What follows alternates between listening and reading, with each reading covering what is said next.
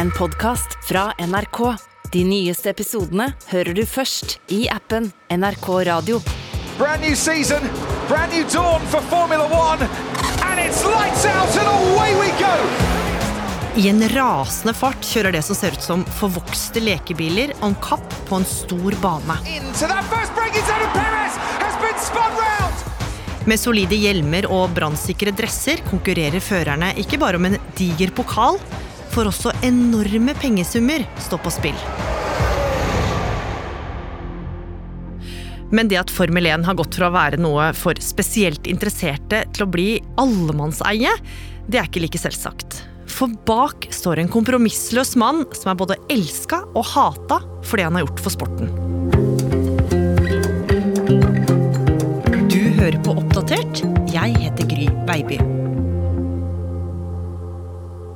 Altså, jeg trekkes mot ting som er litt ekstreme, og her har du det mest ekstreme du kan gjøre med bakkekontakt. Og de som får lov til å føre de her fartsmonstrene på banene, de har kommet gjennom det aller trangeste nåløyet du kan tenke deg i idrett. Cecilie Andersen, du er journalist her i NRK, og du har rett og slett dilla på Formel 1.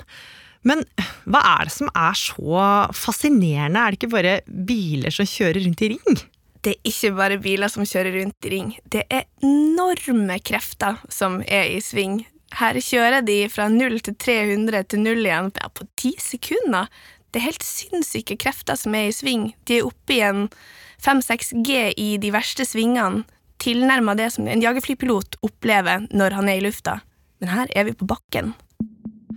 Og det er ikke bare Cecilie som har fått smaken på denne idretten. For de siste åra har det vært mye oppmerksomhet, og det er særlig én Netflix-serie som har fått skylda for det. teams are racing not just for glory but for hundreds of millions of dollars. Nice shoes, boy. The competition's so tough, you just have to be off a little bit to be off. Bottas in big, big trouble. There's so much pressure, we cannot relax. Verstappen is out of the race, and that's a big crash! Drive to Survive har eh, tilbudt et unikt innblikk i hjertet av sporten. Den har latt oss komme inn på bakrommene på alt som foregår før og under og etter løp. Hva som egentlig skjer i pit lane når noen gjør det bra, eller når noen gjør det dårlig, for den saks skyld. Den har invitert oss med inn og latt oss bli kjent med alle de ekstreme karakterene. Og det her har jo de som har produsert det, forstått det at her er det noe interessant. Ikke bare for den som er en ihugga motorsportinteressert eh, type, men for alle og enhver. Folk blir hekta. Men det at Formel 1 er blitt en slags folkesport, det er ganske nytt. For det hele starta som en beskjeden, men også livsfarlig sport.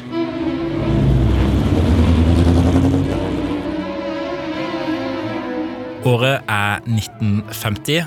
På en flystripe i landsbyen Silverstone i England har flere titalls tusen tilskuere samla seg til det som skal bli tidenes første Formel 1-løp. Lars Hægeland er journalist her i Oppdatert. Det har tidligere vært eh, arrangert lignende løp i f.eks. Frankrike, men nå skulle England endelig få sin egen versjon. Bilene som står på startstreken, de ser nesten litt ut som ja, litt sånn avanserte Ola-biler. Førerne bruker åpne hjelmer, og det er verken airbag eller belte i bilene. Startskuddet går, og med det er Formel 1 født. Farina, holder of a new lap record of 94.02 miles an hour, winning from Talioli, a floral tribute for the winner of a great occasion in British motor racing.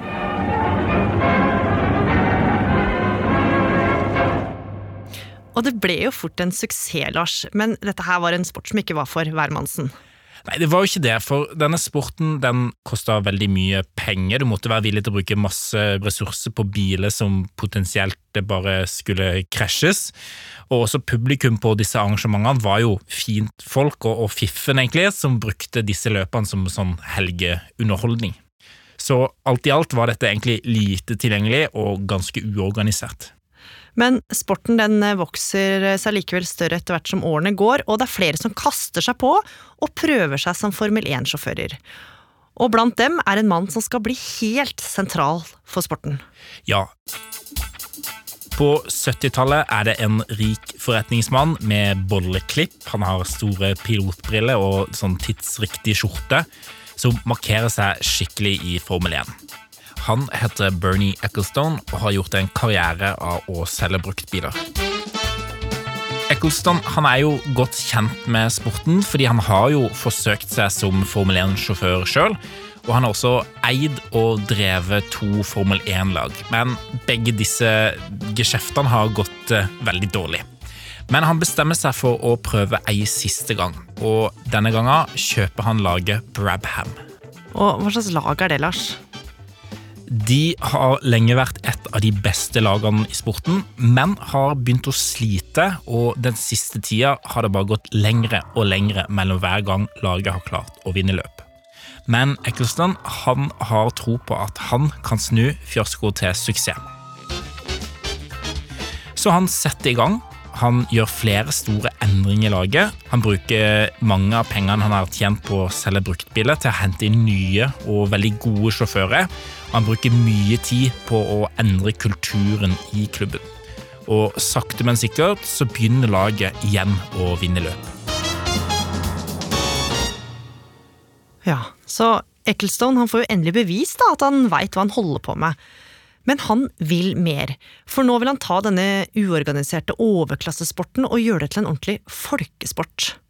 Ja, for Eccleston han ser at sporten ikke har klart å nå helt ut til de store massene. Løperne de foregår litt sånn her og der, og ikke til noen sånn faste, bestemte tider. Og det gjør det jo veldig vanskelig å følge sporten fra hjemme i sofaen, og det gjør det òg veldig vanskelig å tjene penger på sporten. Derfor bestemmer han seg for å gjøre noe få har tenkt på. Han samler alle lagene og får de til å bli enige om å kjøre løpene regelmessig til gitte tider og datoer, og på den måten kan han selge alle rettighetene til løpene på TV samla. Og det fører jo til at flere TV-kanaler nå begynte å sende Formel 1. Meantime, uh, Jody Scheckter is on his last lap. Og det blir en braksuksess, for løpene blir lettere tilgjengelig, og vanlige arbeidsfolk kan nå sitte hjemme i stua og få direktesendt løp til et fast tidspunkt. Og det tar ikke lang tid før pengene begynner å renne inn til lageierne, Lars. Nei, nå strømmer millionene inn til sporten, til både til lageierne og Formel 1-ledelsen. Og en god slump av disse pengene havner jo også i Ecclestons lomme. Men han ser flere muligheter til å tjene penger, og ønsker seg mer makt og innflytelse over sporten.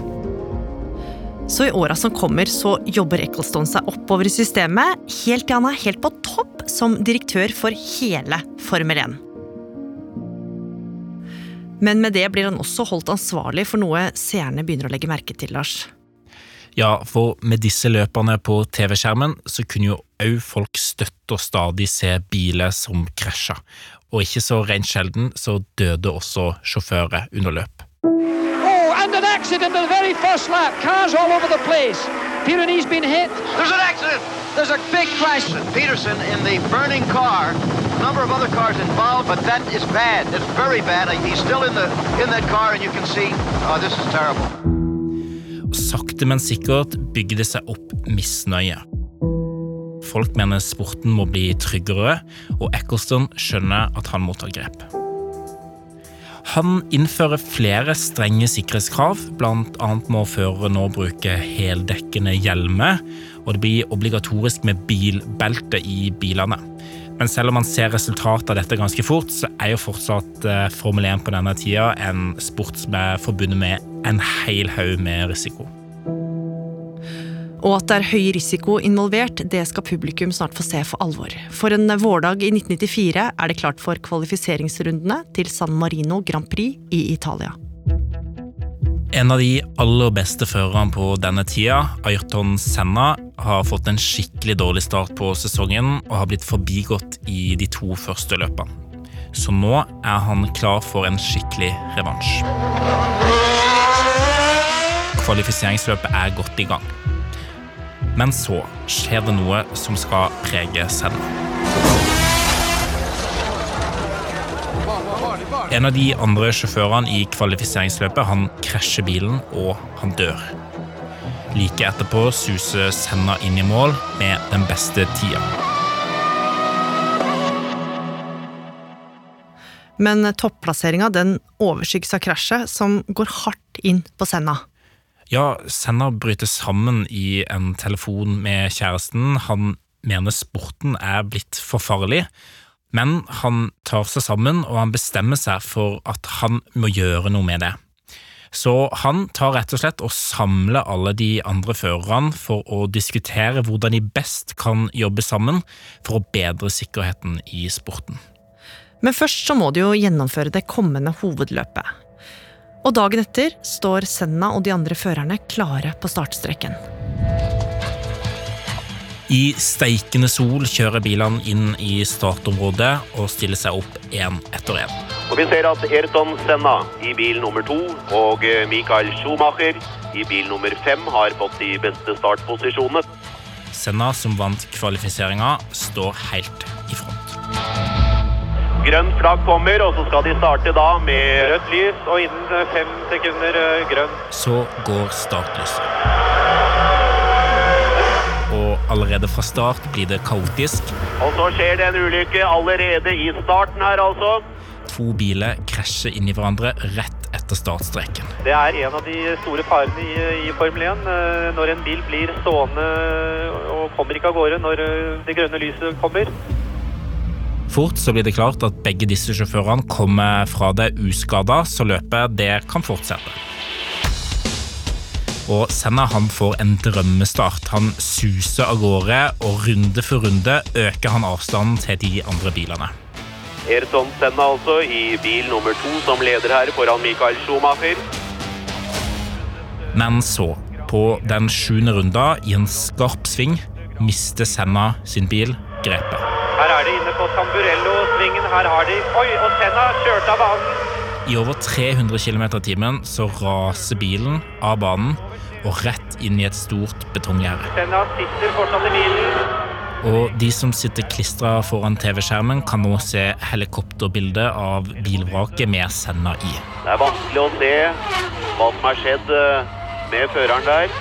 Det kunne minne en del om ulykken til eh, Rattenberger i går. Og mens TV-kameraene zoomer nærmere og nærmere, ser man at Senna han, han rører seg ikke. Han ser helt livløs ut. Og da har man eh, bestemt seg for å frakte Ayrton Senna med helikopter, høyst sannsynlig da til eh, hospitalet i Bologna. Hele Williams-teamet er selvfølgelig, og dere også, er i sjokktilstand. Ikke lenge etter det kommer beskjeden fra sykehuset. Senna blir erklært død. Det har vært en tragisk helg for eh, internasjonal motorsport og Formel 1-sport eh, i særdeleshet. Vi får inderlig håpe vi aldri får oppleve maken til denne weekend. I tre dager skal landesorgen vare. Det erklærte den brasilianske presidenten Itamar Franco da dødsbudskapet om Arton Senna kom. Og denne ulykken her, den rysta en hel verden. Ja, Formel 1 de mista en av sportens aller største stjerner denne dagen, og mange får nå se at sporten fortsatt er fryktelig farlig. Og kritikken mot Eccleston og de andre arrangørene, den bare hagler, og mange lurer nok på om sporten i det hele tatt kan fortsette slik som den er nå. Dødskrasjen i helgen, som har sjokkert en hel verden, gjør åpenbart ikke det samme inntrykk på de høye herrene i Bilsportforbundet som på Formel 1-førere og folk flest. Presidenten slo fast at det som skjedde i helgen, ikke har lært ledelsen i forbundet noe som helst som de ikke visste på forhånd. Eccleston han skjønner at han må gjøre noe mer for å unngå at sporten blir dratt helt ned i søla. Så i et forsøk på å redde sporten gjør han flere endringer. Blant annet så blir reglene for utformingen av banene strengere, og det blir stilt enda strengere krav til utformingen av bilene. Men denne ulykka, som mange kanskje trodde ville bety slutten på Formel 1, blir jo noe helt annet. Ja, for paradoksalt nok så tenner denne ulykka en gnist, og interessen for Formel 1 den skyter i været, og seerne de bare strømmer til sporten. Og igjen betyr jo det penger i kassa til Eccleston, som nå blir en av verdens best betalte sportsledere. Men de neste åra skal jo ikke bare bli en suksess for Eccleston, Lars, for han skulle havne i flere skandaler. Ja, han skulle det. Og en av disse var en stor skandale hvor Ecclestone han ble beskyldt for å ha bestukket det britiske Arbeiderpartiet for å slippe unna en ny lov. Det britiske Arbeiderpartiet jobber med en lov som ville forby tobakksreklame på biler og i sport. Og på Ecclestone sine Formel 1-biler var det smekkfullt med tobakksreklame. Ecclestone han nekta jo selvfølgelig for dette, men det ble en veldig stor skandale, spesielt for det britiske Arbeiderpartiet. Men han rister av seg, og mens TV-en går inn i sin gullalder tidlig på 2000-tallet, vokser også sporten. Man får store internasjonale stjerner, og pengene de strømmer inn til Ecclestone. Men selv om suksessen fortsetter, skal Ecclestone slite med å henge med i tida. På midten av 2000-tallet tar sosiale medier verden med storm. Den nye plattformen gjør at man kan komme nærmere hverandre og kjendiser enn man tidligere har gjort. Og dette blir jo òg veldig viktig i sportsverden. Publikum ønsker å se mer enn bare et bilrace eller en fotballkamp. De vil se hva som skjer på utsida av banen, og de vil følge de store stjernene tettere. Og stadig oftere popper det opp nye kontoer i sosiale medier fra sportsklubber. Men Ecclestone han er ikke begeistra og nekter å bruke sosiale medier. Og mens sport etter sport endrer seg og gir publikum mer og mer utenfor banen, har Ecclestone en helt annen oppfatning av hvordan en sport skal drives. Ja, Eccleston han liker jo ikke de nye endringene. Han mener sporten skal nytes i sin pureste form, og er imot alt som kan komme til å endre sporten. Så Formel 1 den fortsetter dermed å bli drevet som alltid før. Og om ikke det var nok, så havner Eccleston igjen på forsidene av avisene med skandaleoverskrifter.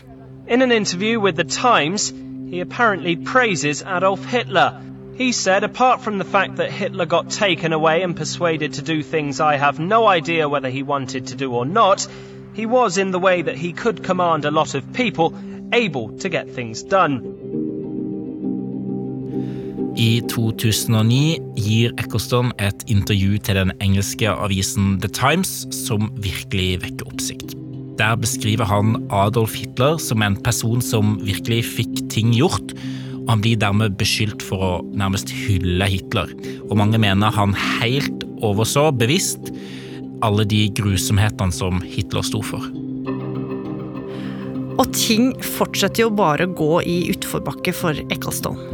Formula One boss Bernie Ecclestone is expected to stand trial on bribery charges in late April. Ecclestone was charged in July with bribing former German banker Gerard Grabowski to smooth the sale of a stake in the motor racing business to private equity firm CVC eight years ago. Seertallene raser, og i 2017 så har Formel 1 mista nesten halvparten av seerne sine på bare åtte år. Og nå merker Ecclestone at folk i sporten begynner å tvile på om han er rett mann til å styre skuta. Så når det en septemberdag dukker opp et fristende tilbud, gjør Formel 1-legenden et viktig valg. Ja. Inn på Ecclestons kontor kommer det et tilbud fra det amerikanske medieselskapet Liberty Media. Tilbudet det er på mangfoldige milliarder kroner, og Eccleston, som nå er 87 år gammel, og som eier rettighetene til sporten, ser på nytt en forretningsmulighet. På denne tida har det gått dårlig med sporten i snart ti år, og han velger å selge alle rettighetene sine til det amerikanske selskapet. Og det går jo ikke helt som han har tenkt, Lars. Nei, for bare måneder senere blir det jo klart at de nye eierne de har også nye tanker. De kaster Eccleston fra ledertrona og tar over hele driften av Formel 1. Eccleston uttaler sjøl i media at han har blitt kasta. Og med det så var hele livsverket overlatt til amerikanerne. Og med Liberty Media bak rattet så blir det andre boller for Formel 1. Ja, de tar tidlig grep. De fornyer markedsføringa og satser stort på sosiale medier. YouTube-kontoer og Instagram-kontoer får nå millionervis av nye følgere. Og etter hvert så dukker òg førerne opp med personlige kontoer både på Instagram og TikTok. Og i tillegg velger de å satse enda mer internasjonalt. Så nye TV-avtaler gjør at Formel 1 nå blir tilgjengelig i Tyskland, Frankrike og USA. Og ikke minst så bestemmer de seg for å gi Netflix tilgang i kulissene til sporten. Og serien Drive to Survive blir med det en realitet. Så nå har jo Formel 1 blitt det Ecclestone hele tida hadde ønska seg, nemlig en folkesport som alle snakker om. Og det har du merka, Cecilie? Definitivt. Før så kunne jeg jo ikke komme på jobb på en mandag og snakke Formel 1 med noen. Jeg gikk jo nærmest og rista sant, for at jeg hadde lyst til å snakke om det jeg hadde opplevd i helg, og det jeg hadde sett på, og alle de tingene som eh, bare jeg forsto. Nå er det rett og slett folk overalt som vil snakke om hva som skjedde, de store krasjene, hvem som skuffa, og alle de eh, spennende historiene som helga sitt eh, løp har romma.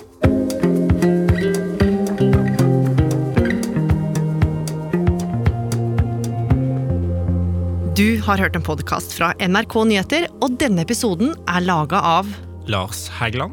Id Skriverhaug. Pål Gauslo Sivertsen. Andreas Berge. Og meg, Gry Veiby. Nyhetsredaktør er Knut Magnus Berge. Klippene du har hørt, er fra Formula Ones YouTube-kanal, Netflix, Reuters, ESPN, BBC, ESPP, World News Show, IB Times UK og NRK. Og har du tips eller innspill, så send oss gjerne en mail på oppdatert krøllalfa nrk.no. Og liker du det du hører, så må du gjerne tipse en venn om oss. Du har hørt en podkast fra NRK. De nyeste episodene hører du først i appen NRK Radio.